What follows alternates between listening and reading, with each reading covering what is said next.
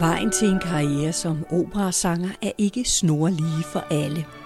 Hjemme i Slagelse drømte sopran Sofie Elkær Jensen om at blive musicalstjerne. Det var først, da hun røg ud af kirkekoret, at hun lettere modvilligt lod sig skubbe i retning af opera. Basbariton Simon Dus fra Frederiksværk havde heller ikke gjort sig de store overvejelser om en professionel karriere som sanger, før en højskolelærer gav ham et puff i den rigtige retning – Skæbnen ville så, at Elkær og Dus for 12 år siden mødte hinanden, da de skulle synge udvalgte scener fra Figaros bryllup. Det blev begyndelsen på et nært venskab, som nu kulminerer i, at de synger Figaro og Susanna på det kongelige teaters gamle scene. I denne fjerde udgave af Overture taler jeg med Sofie Elkær Jensen og Simon Dus om turen fra ledet glamorøs provinsungdom til på overfladen glamorøs tilværelse som medlemmer af operans solistensemble. Og så handler det også om at finde sig selv i rollerne som Susanna og Figaro.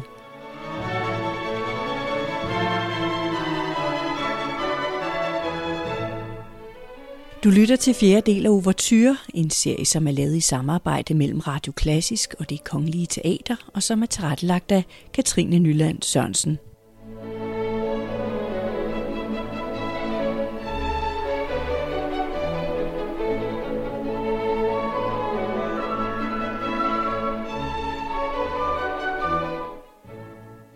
Det er overturen til Mozarts opera Figaros Bryllup, der er overtures kendingsmelodi, og musikken i programmet vil denne gang udelukkende være fra lige netop Figaros Bryllup, som i øjeblikket spiller på det kongelige teaters gamle scene. I rollen som tjenestepigen Susanna synger sopran Sofie Elkær Jensen. Hun er uddannet fra det Kongelige Danske Musikkonservatorium i 2008 og Operaakademiet i 2011. Og hun debuterede på det Kongelige Teater i 2010 som Papagena i Tryllefløjten. Hendes vej ind i operans verden var dog ikke helt planlagt. Jeg vil nok beskrive den måske lidt ufrivillig. Fordi at, at jeg vil egentlig gerne være musicalsanger eller skuespiller, og min stemme vil ikke rigtig synge på den der lidt mere sådan twangede, rytmiske måde. Den ville til gengæld rigtig gerne synge klassisk. Så da jeg var sådan 15 år og ligesom røg ud af mit kirkekor, fordi at jeg begyndte at få for stor vibrato simpelthen i forhold til den der helt sådan, øh, hvad hedder det, sådan non-vibrato øh, pigestemme, som der skal være et pigekor, så, øh, så tænkte jeg, nå okay. Og så fik jeg en, øh, en sanglærer, som, som prøvede at skubbe mig lidt ind i operans retning, og jeg synes, det var vildt mystisk. Men jeg endte altså med at blive virkelig glad for det. Hvad var det, der skete i øh, kirkekoret, siden du røg ud af det? Jamen, altså, jeg, jeg, gik ud. jeg blev ikke sparket men jeg, blev, jeg, jeg, gik ud, jeg gik frivilligt. Øh, jamen, der sker jo det, at, at pigestemmer er meget sådan, hvad skal man sige, de, de er meget non-vibrato, de har ikke øh, den der vibrato-lyd, som en operasanger har, og min stemme udviklede sig bare øh, ret hurtigt til at få sådan mere, hvad kan man sige, personlig klang, for det er jo det, et vibrato også gør. Øhm, og så sagde min søde øh, korlærer, som også var ham, der virkelig lærte mig rigtig meget om at synge, han sagde, det kan være, du skal videre nu, ud i verden, på MKK, på konservatoriet, på Operakademiet. Øhm, men det er ikke en korstemme, du har. Men når du siger, at det var ikke lige det, du havde forestillet dig, du havde måske mere forestillet dig selv i rollen som, øh, som musicalstjerne, hvordan oplevede du så at komme ind i operaverden, som jo er noget anderledes end musicalverden? Jamen, jeg blev, øh, jeg blev glædeligt overrasket, øhm, fordi at det jo netop kombinerer de to passioner, jeg har, øh, som er musik og sang og drama. Og det var også derfor, jeg ret hurtigt opdagede, at det var det, jeg ville. Jeg ville gerne stå på scenen og være operasanger. Øhm, og og det, det var bare utrolig fedt. Og så havde jeg havde ikke hørt opera, da jeg var teenager. Jeg havde ikke været i operan. Og det er så første gang kom det, hvor jeg var læst over det vilde udtryk, det er, og at der ikke er noget, der er forstærket, og det bare var så fantastisk. Så, så jeg, det, der var jeg bare solgt. Hvad var din første opera så? Det var faktisk i Domineo herinde på Gamle Scene. Øhm, og det, jeg husker det virkelig, jeg kan næsten huske, hvor jeg sad. jeg sad på galleriet, øh, og det var bare det var sådan en ret stor, stor oplevelse. Men så gik der lang tid, før jeg så en opera igen. Men så så jeg nemlig Stormen af Thomas Addis på gamle scene, og det blæste mig endnu mere over. Altså, det var så fantastisk. Ja. Er det sådan noget med, at du begyndte langsomt så ligesom også at øh, gøre op med dig selv, at ja, det, det er operaverden? Ja, bestemt. Også fordi jeg kommer fra Slagelse, og jeg vil sige, så mange operasanger er der ikke i Slagelse. og, og jeg kom, stod der på, på gymnasiet og var så 16-17 år gammel, og det, altså, det var måske heller ikke sådan så vildt populært, eller det var ikke det, man blev populær på. Øh, så det var også lidt pinligt, fordi det var sådan noget, man, jeg forbandt mere med ældre mennesker, og, og i forvejen var jeg i folkeskolen måske sådan lidt en nørd, der spillede teater. Det var ikke noget, der ligesom sådan boostede min selvtillid vildt meget i starten.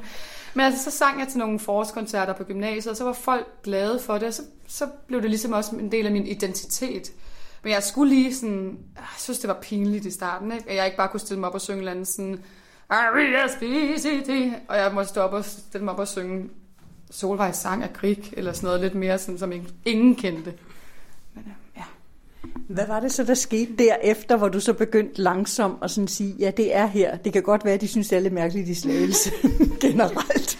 ja, det var nok, at jeg kom til... Øh, jeg var på nogle operakurser, da jeg var meget ung, øh, 17-18 år, med Christopher Cowell, som er operainstruktør. Og der var bare noget, der gik så meget op for mig med at skulle være på scenen som skuespiller og sanger på samme tid. Og jeg vil sige, det er ham, der ligesom lagde grunden til hele mit, mit dramatiske talent, som ligesom åbnede sig der. Der var jeg virkelig solgt til genren, men det var det første, jeg flyttede til København. Jeg kendte jo heller ikke mit eget niveau, da jeg var til optagelsesprøve. Kendte jeg ikke nogen andre operasanger. Jeg vidste ikke, hvordan jeg sang i forhold til de andre, der skulle søge på øh, konservatoriet. Øhm, så, så det var også bare en meget stor oplevelse at at komme ind og møde andre sanger. Jeg har aldrig sunget en duet med nogen, der kom på konservatoriet. Jeg kunne slet ikke finde ud af det til at starte med, at jeg skulle synge sammen med nogle andre. Ja.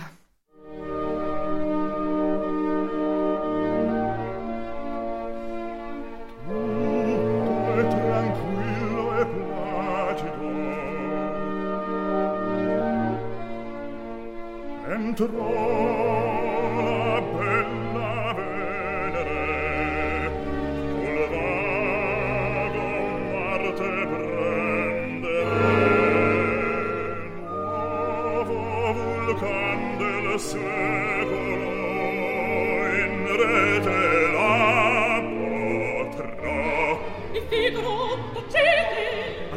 questa è la contessa a tempo vi giungete vedrete la voi stessa il conte è la mia sposa di propria mamma cosa toccarrio vi farò toccarrio vi farò toccarrio vi farò parlate un po' più basso di quando di corri vivo di corri vivo Susanna vendicarsi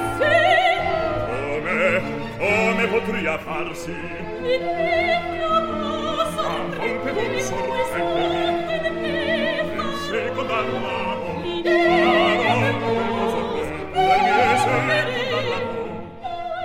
secondare, secondarla, ma se madama il vuole,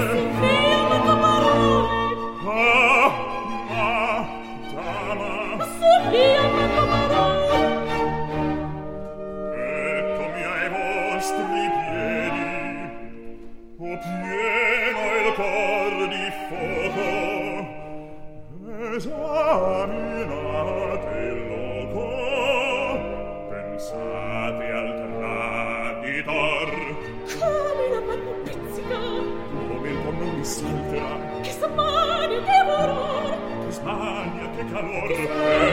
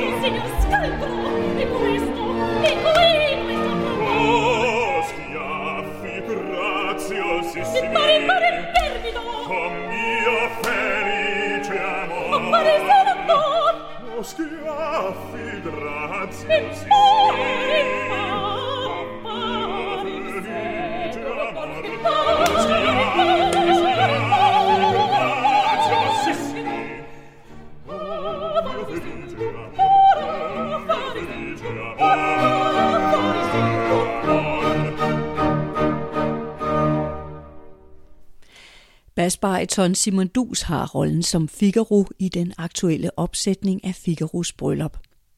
Han er uddannet fra Operaakademiet på det Kongelige Teater i 2011 og i solistklassen fra det Jyske Musikkonservatorium i 2015.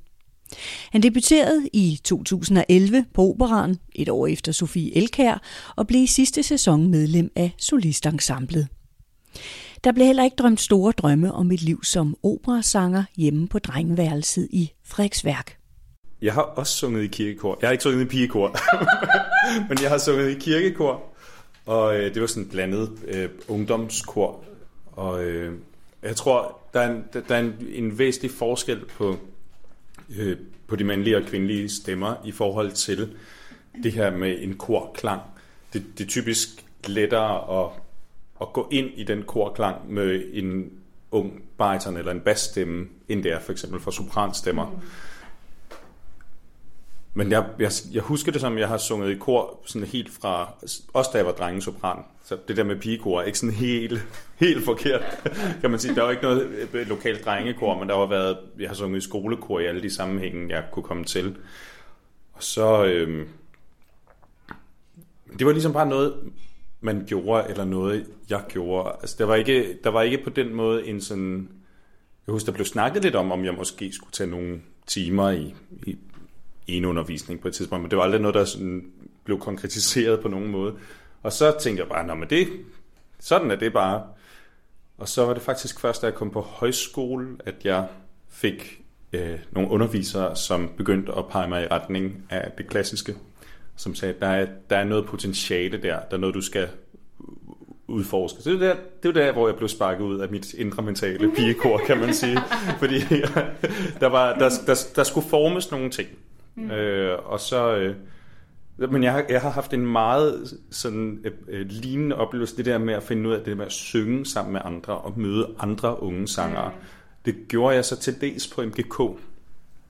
Men, men stadig selv, da vi kom på Operakademiet mm. senere, husker det også som sådan, øj, man skulle lige, man skulle lige navigere lidt i, i, ja. øh, i, i både instrumentet og i, i, i musikaliteten. Jeg vil altså gerne lige tage mega meget credit for, at Simon kom på Operakademiet, fordi da vi havde kendt hinanden et stykke tid, jeg arbejdede i garderoben på operan, og Simon var rundviser, og så husker jeg meget tydeligt, at vi øh, lige sagde hej til hinanden en aften, og Simon var sådan, uh, altså skal jeg nu fortsætte på MI, eller skal jeg søge på Operakademiet? Og jeg var bare sådan, du skal søge på Operakademiet. Er du sindssyg, mand? Altså, han, han kom jo også sådan fra, fra, hvad kan man sige, han var lidt en joker, fordi han havde, Simon har ikke gået på konservatoriet. Han havde bare så stort et talent, han kunne faktisk, du ved, bare komme direkte øh, ind på, på Operakademiet. Jeg bilder mig selv ind, det var mig, der gælder det sidste skub. jeg vil sige til gengæld, at, at efter jeg er gået på Operakademiet, så er det ikke længere tilladt at, at, at, lave det der spring ind på Operakademiet uden, uden Nej. nogen konservatoriebaggrund, tror jeg. Så jeg ved ikke helt om, om, om Jeg de tror blev, ikke, det var de på blev grund af dig. Men vil det sige, at det har været lidt på samme måde som med Sofie? Det har været sådan noget, gud, øh, kan man også blive operasanger? Det lyder som om, det var ikke lige der, hvor du havde en klar plan hjemme for drengeværelset i Frederiksværk, at det var det, du skulle? Nej, jeg tror nok, jeg havde helt klart en idé om, at det skulle være et eller andet med musik og et eller andet med teater. Men i lang tid var der jo stadig sådan en, men det kan være, at det ikke kommer til at ske. Altså der har hele tiden ligesom været sådan en, en ydmyghed i forhold til, hmm, det, kan man, det er der ikke nogen garanti for. Så der var sådan utrolig mange sådan plan B, C, D, E, F, G, sådan helt ned af, af vejen. Og jeg tror også, i mange år var jeg, kunne jeg godt være sådan lidt, jeg kunne godt være lidt irriteret over, at jeg ikke var blevet sådan pacet lidt mere frem til det, og samtidig så kan jeg se nu, at jeg er glad for, at det var mit eget valg, at jeg investerede min tid og min energi i... Du havde ikke nogen overambitiøse forældre derhjemme, der sagde, Simon, du skal være operastjerne. Jeg tror, at mine forældre øh, hele tiden har tænkt, at musik er, er sundt, og det er godt for børn at, at spille musik sammen med andre og synge i kor, og haft sådan en meget øh, sådan, øh, venlig og fredelig indstilling til det. Men nej, ikke noget med, at det skulle være ens profession og ens øh, professionelle virke. Non vedrai farfallone amoroso, notte e giorno d'intorno girando, delle belle turbando il riposo, Narcisetto ad oncino d'amor. Delle belle turbando il riposo, Narcisetto ad oncino d'amor.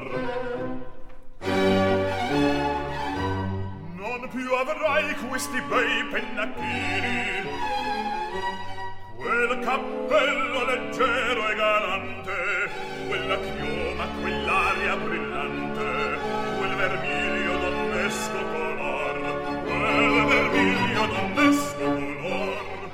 Non più avrai quei pennacchini, quel cappello, quella chioma, quell'aria brillante. non piadrai farfallone amoroso. Notte e giorno d'intorno girando e le belle curvando il riposo. Narcisetto anocino d'amor e le belle curvando il riposo. Narcisetto anocino d'amor. La guerrieri può far becco Danno stacchi stretto sacco, schioppa in spalla, sciabla al fianco, collo dritto, muso franco, un gran casco, un gran turbante, molto onor, poco contante, poco contante, poco contante. Ed in fece del fandango una marcia per il fango, montagne e per valloni con le neve sallioni al concerto di tromboni di bombarde e di cannoni che le palle in tutti i tuoni all'orecchio fan fischiar. Non ti avrai quei pennacchini non ti avrai quel cappello non ti avrai quella chioma non ti avrai quell'aria brillante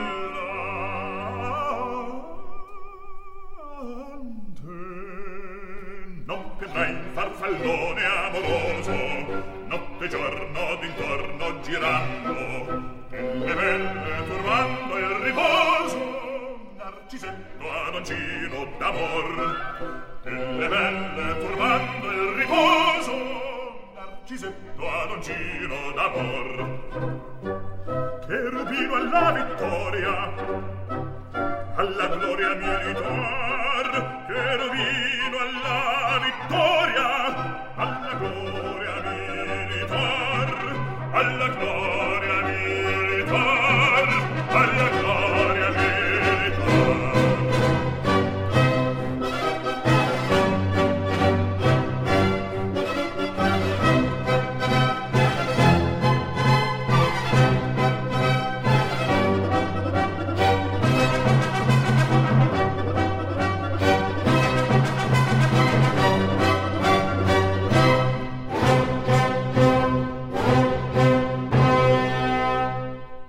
den måde, vi mødte hinanden på, var jo ved, at øh, tidligere så havde man på konservatoriet en eksamen i musikdramatik, hvor øh, sangstuderende skulle instruere andre sangere, typisk yngre sangere, i at spille opera.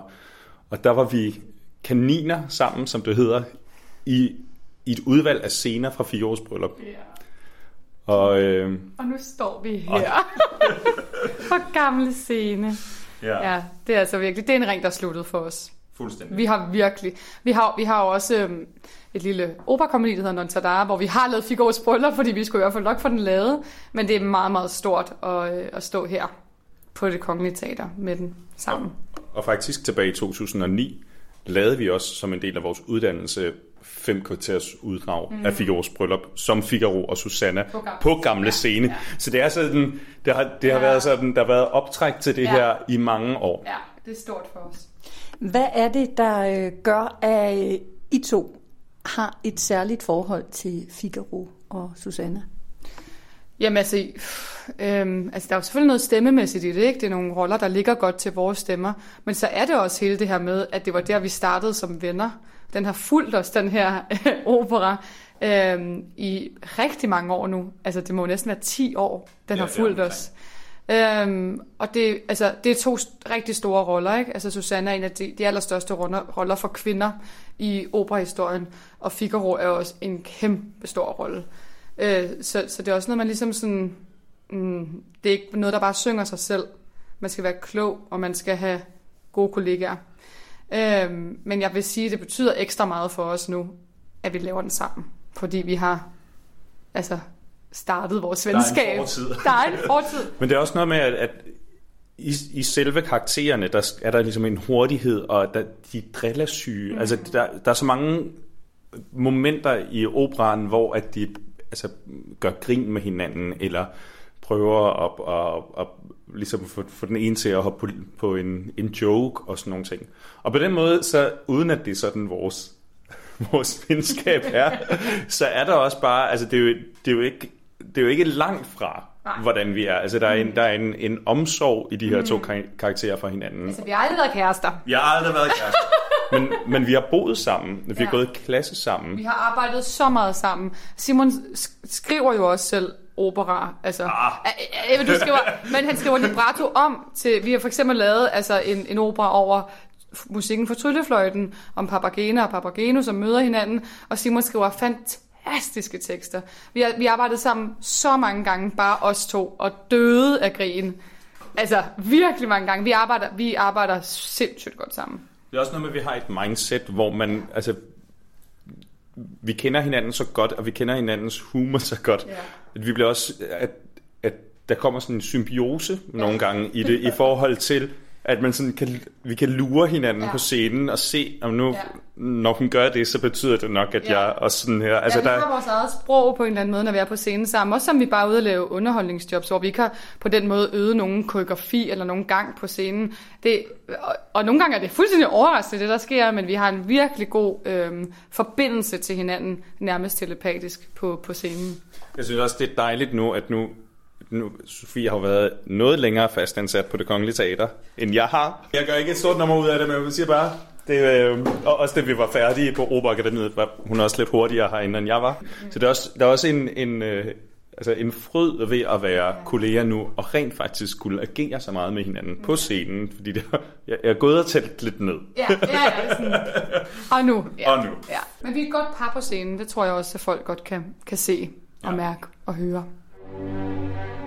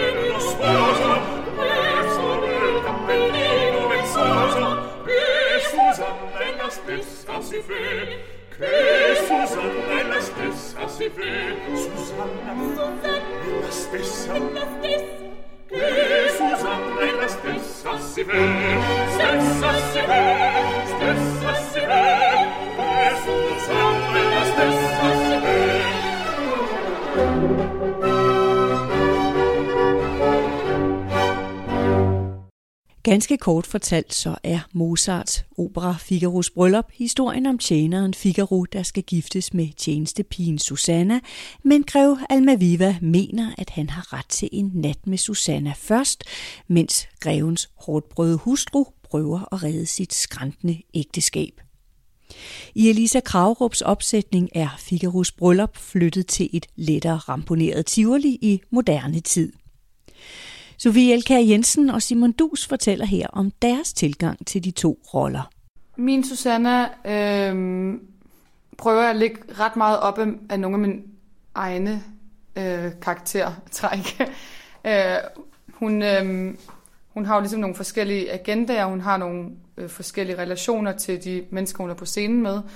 Og det prøver jeg egentlig at gøre sådan ret ærligt i forhold til, hvem jeg selv er, fordi jeg kunne Altså, jeg synes, Susanne er meget, meget menneskelig, og jeg prøver at gøre hende menneskelig. Jeg prøver at gøre hende interessant, at hun også ligesom har nogle øh, lyster, noget begær, nogle, nogle øh, Øh, hun, hun, kan, hun kan også godt lide smiger, og hun kan også godt, altså hun er, jeg vil gerne give hende nogle menneskelige kvaliteter, så, vi, så publikum kan sådan sige, om hun var ikke bare sådan en engel, der holdt sig for god til overhovedet, og synes, at, at det var dejligt, at, at hun også fik noget opmærksomhed fra, fra mændene på slottet, eller at hun ikke også kunne blive virkelig jaloux på Barbarina, eller, eller nogle af de andre. Øh, så jeg prøver virkelig at, også at gøre hende til en kvinde med nogle fejl, og jeg kan ikke se det, men jeg laver sådan gåseøjne fejl.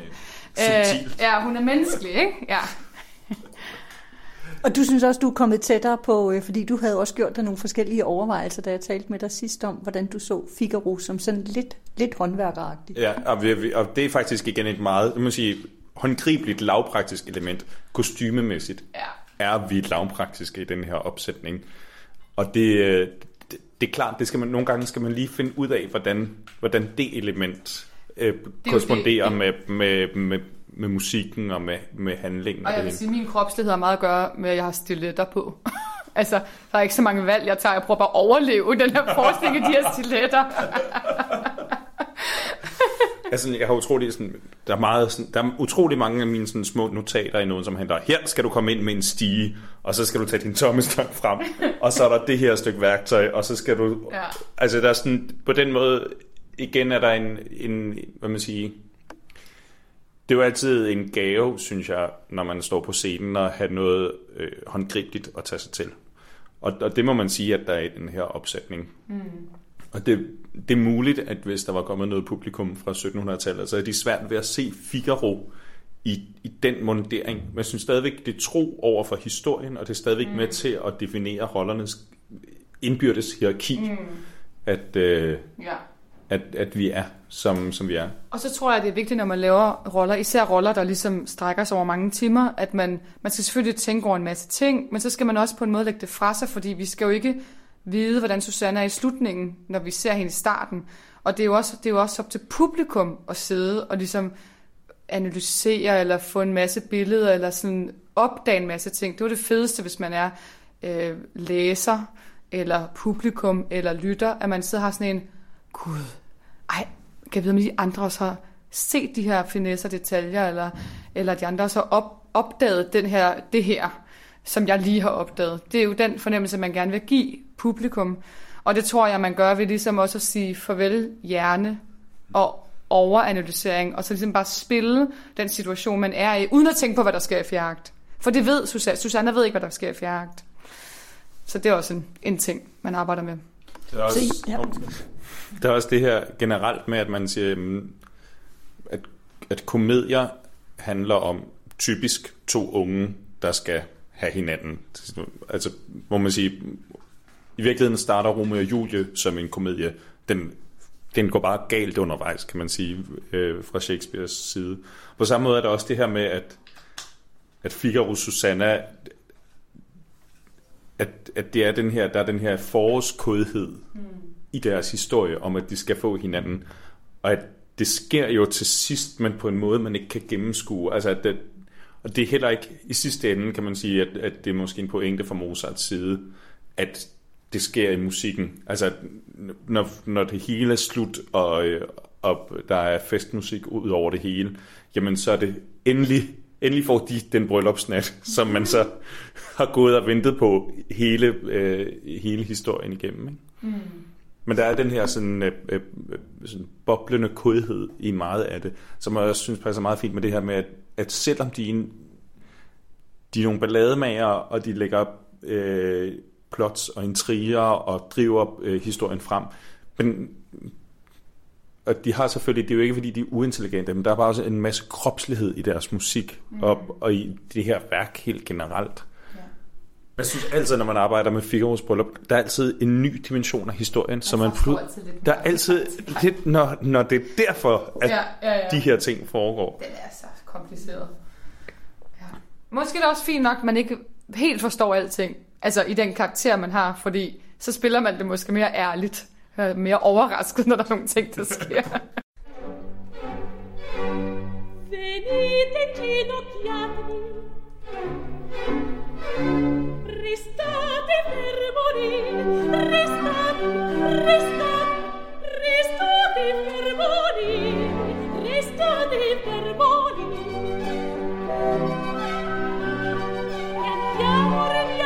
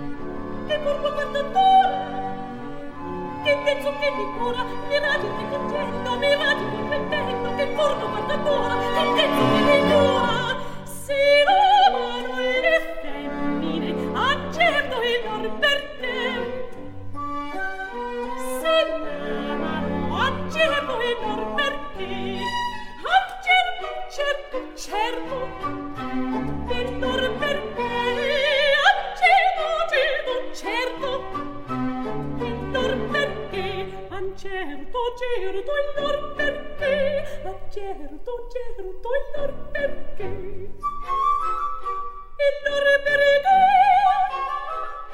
il lor perché.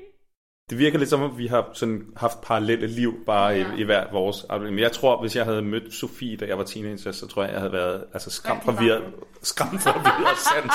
Jeg havde ikke, jeg havde ikke turde snakke med hende overhovedet. ja, vi har nok også begge to den der forståelse, at man er en outsider her i det her københavnermiljø, ikke? Øh, for hvor der er rigtig mange, der er opvokset på Sankt Anne og, og kommer fra det københavnske, og har forældre, der er professionelle musikere, der kommer vi begge to fra provinsen.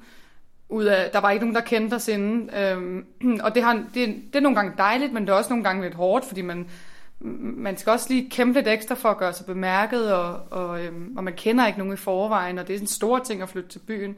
Så vi har nok sådan kunne spejle os lidt i hinanden, og kunne ja, jeg tror også, at det er, sådan, det er jo virkelig, der er enormt meget sådan, man sige, kærlighed i hele det der unge sangermiljø, mm. når, man, når man kommer til byen og ligesom bliver en del ja. af det. Men der er bare nogle referencer, man ikke har, når man ikke har gået på Sankt Danny. Så er man sådan, så er man en af, eller, det handler ikke så meget om at være ham, der ikke har gået der. Det er bare det der med, at man ikke var, altså, der er en gruppe, som man sådan kigger lidt, lidt misundelig på. Mm. Og samtidig så finder man ud af, at der er også mange, der har gået på Sankt Danny, som bagefter ligesom ikke nødvendigvis tænkte, at det var det, var det der var den ekstra ting. Ja, ja. Det kan jo være svært. Altså jeg er jo nærmest... Jeg tænkte på min gymnasietid, om det havde måske været meget sundt, hvis der havde været flere omkring teatermusik, end der var. Altså Ja, der, vi var ligesom en gruppe, som syntes, det var sjovt, men det er jo klart, at når, nogle gange med de her fællesskaber, at man har også brug for, at der er nogle Mm. input andre steder fra. Men jeg vil sige, at noget, der var dejligt ved at komme ud fra, det var, at der var ikke nogen forventninger til en. Altså, når man er ung, som vi jo begge to i hvert fald var Var en gang for lang tid for mange år siden, så var der bare, der var ingen forventninger. Folk var bare glade, hvis man gjorde det godt, og de var bare sådan, nå jamen, hun er også så ung, eller han er også så ung. Altså jeg tror også, det er noget at gøre med, at man, man måske har været i et fællesskab, som man så er taget væk fra. Mm. Altså den lokale musikskole, det, det lokale kirkekor, mm. det lokale gymnasie, i mit, altså i, i mit tilfælde. At det er jo bare noget, man ikke kan tage med på samme måde. Det er jo, det er jo ikke, fordi man ikke har den baggrund, men, men det er bare noget, der pludselig bliver adskilt fra, mm. at man flytter til København. Ja. og så var der en ny virkelighed, mm. man skulle forholde sig til. Så I har lidt været øh, hinandens familie nu, når I også har boet sammen. At vi har helt sikkert været hinandens familie. Altså Simon er min familie. Jeg har, jeg har også en rigtig familie. Men, men, men altså, vi, vi kalder hinanden sådan for sjov manse og kone. Fordi, og det er vi jo ikke. øhm, men, men, det, men det har vi altså været lidt alligevel, ikke? Fordi Simon åbnede sit hjem og sine arme for mig, øh, da jeg blev hjemløs her for to år siden.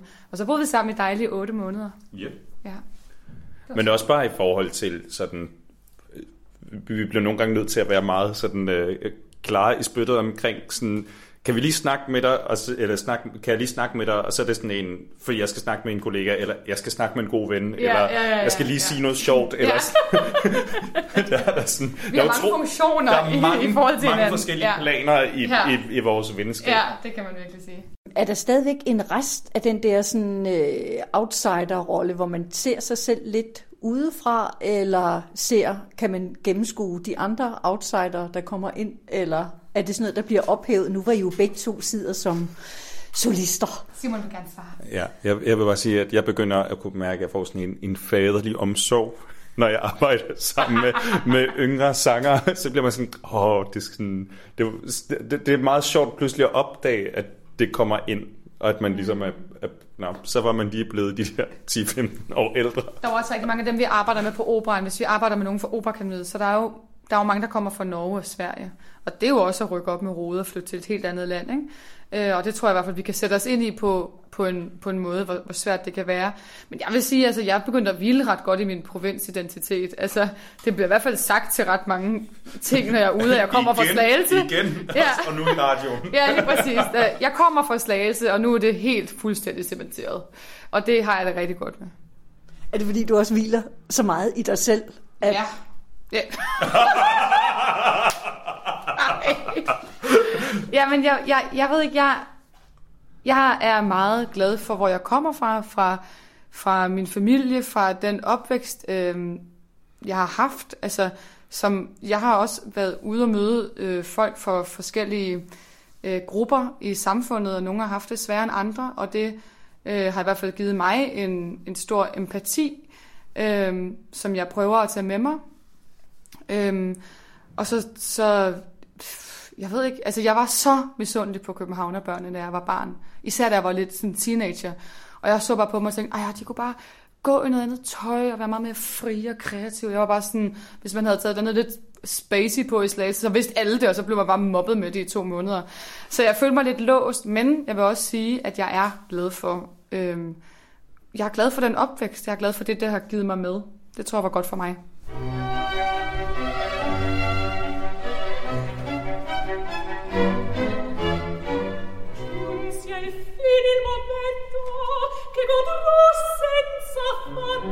him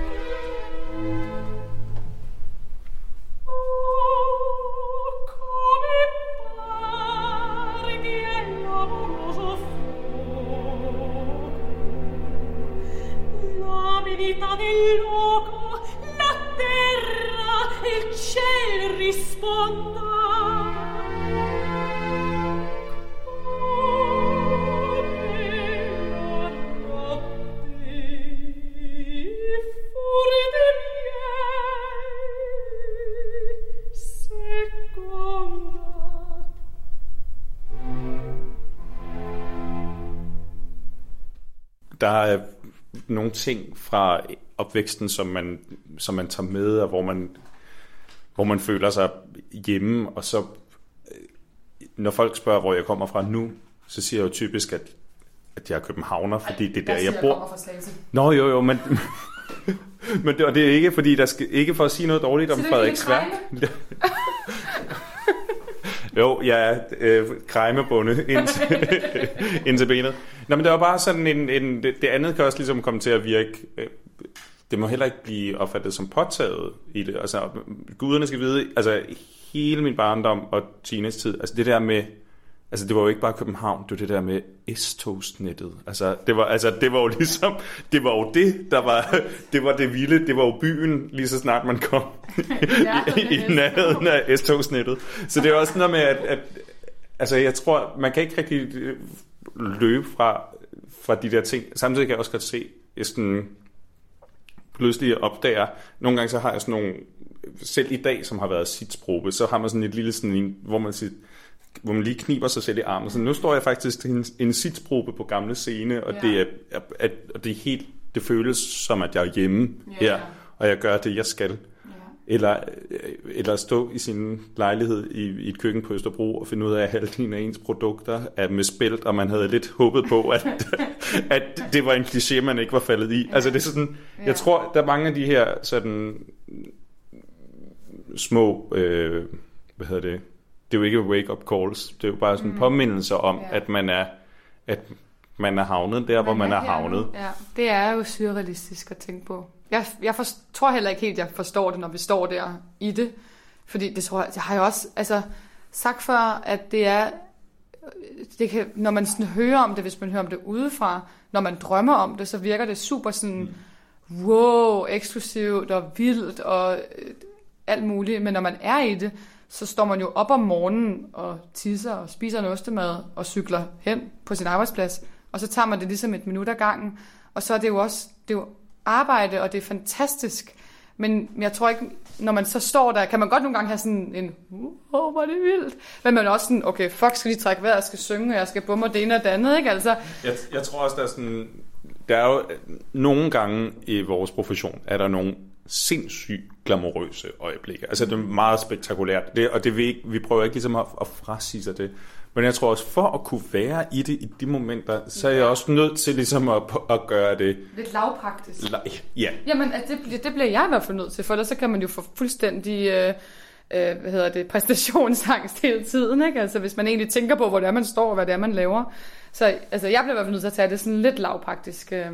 Ja, for der er mange, der er afhængige, også når det er to vigtige partier, som, ja. som I synger i Figaro's ja. bryllup. Altså, der er et orkester ja. i graven, der er et kor, der er publikum, der er andre sanger på scenen. Ja, rekvisitter og alt muligt andet. Og jeg tror, jeg har lige læst noget, øh, ikke for lyde klog, men det var på Facebook. Øh, og det var noget, John Cage havde sagt. Du kan ikke, øh, du kan ikke lave kunst og analysere på samme tid.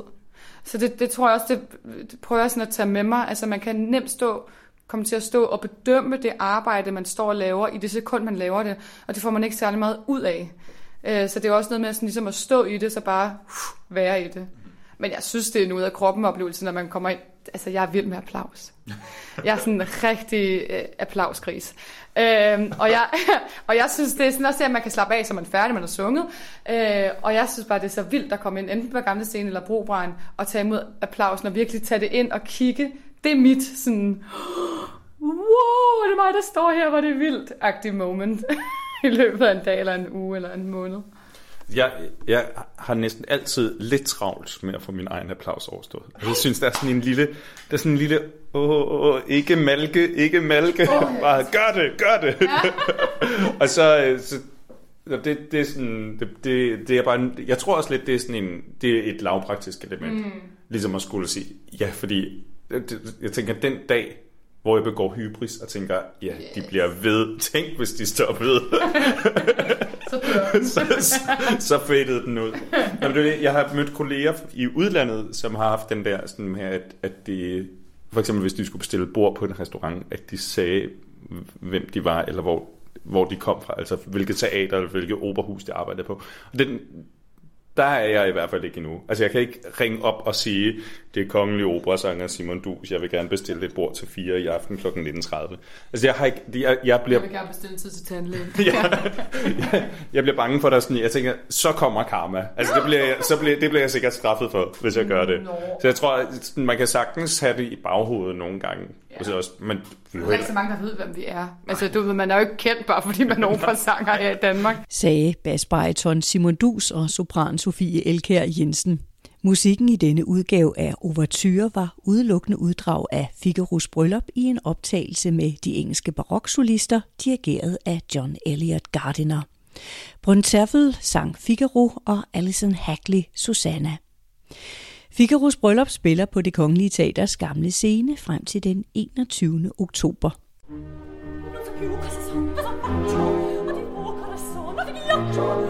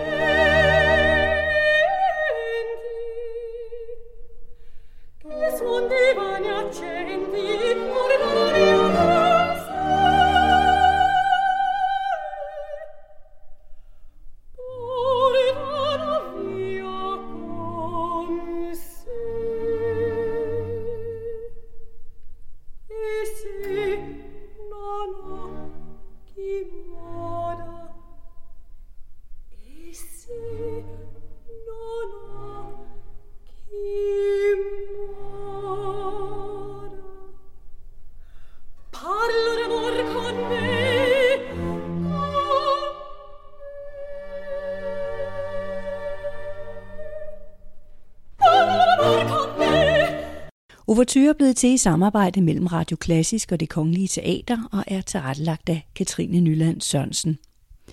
Næste udgave af Overture handler om Verdi-operaen Troubadouren, som netop har haft premiere i en helt ny opsætning.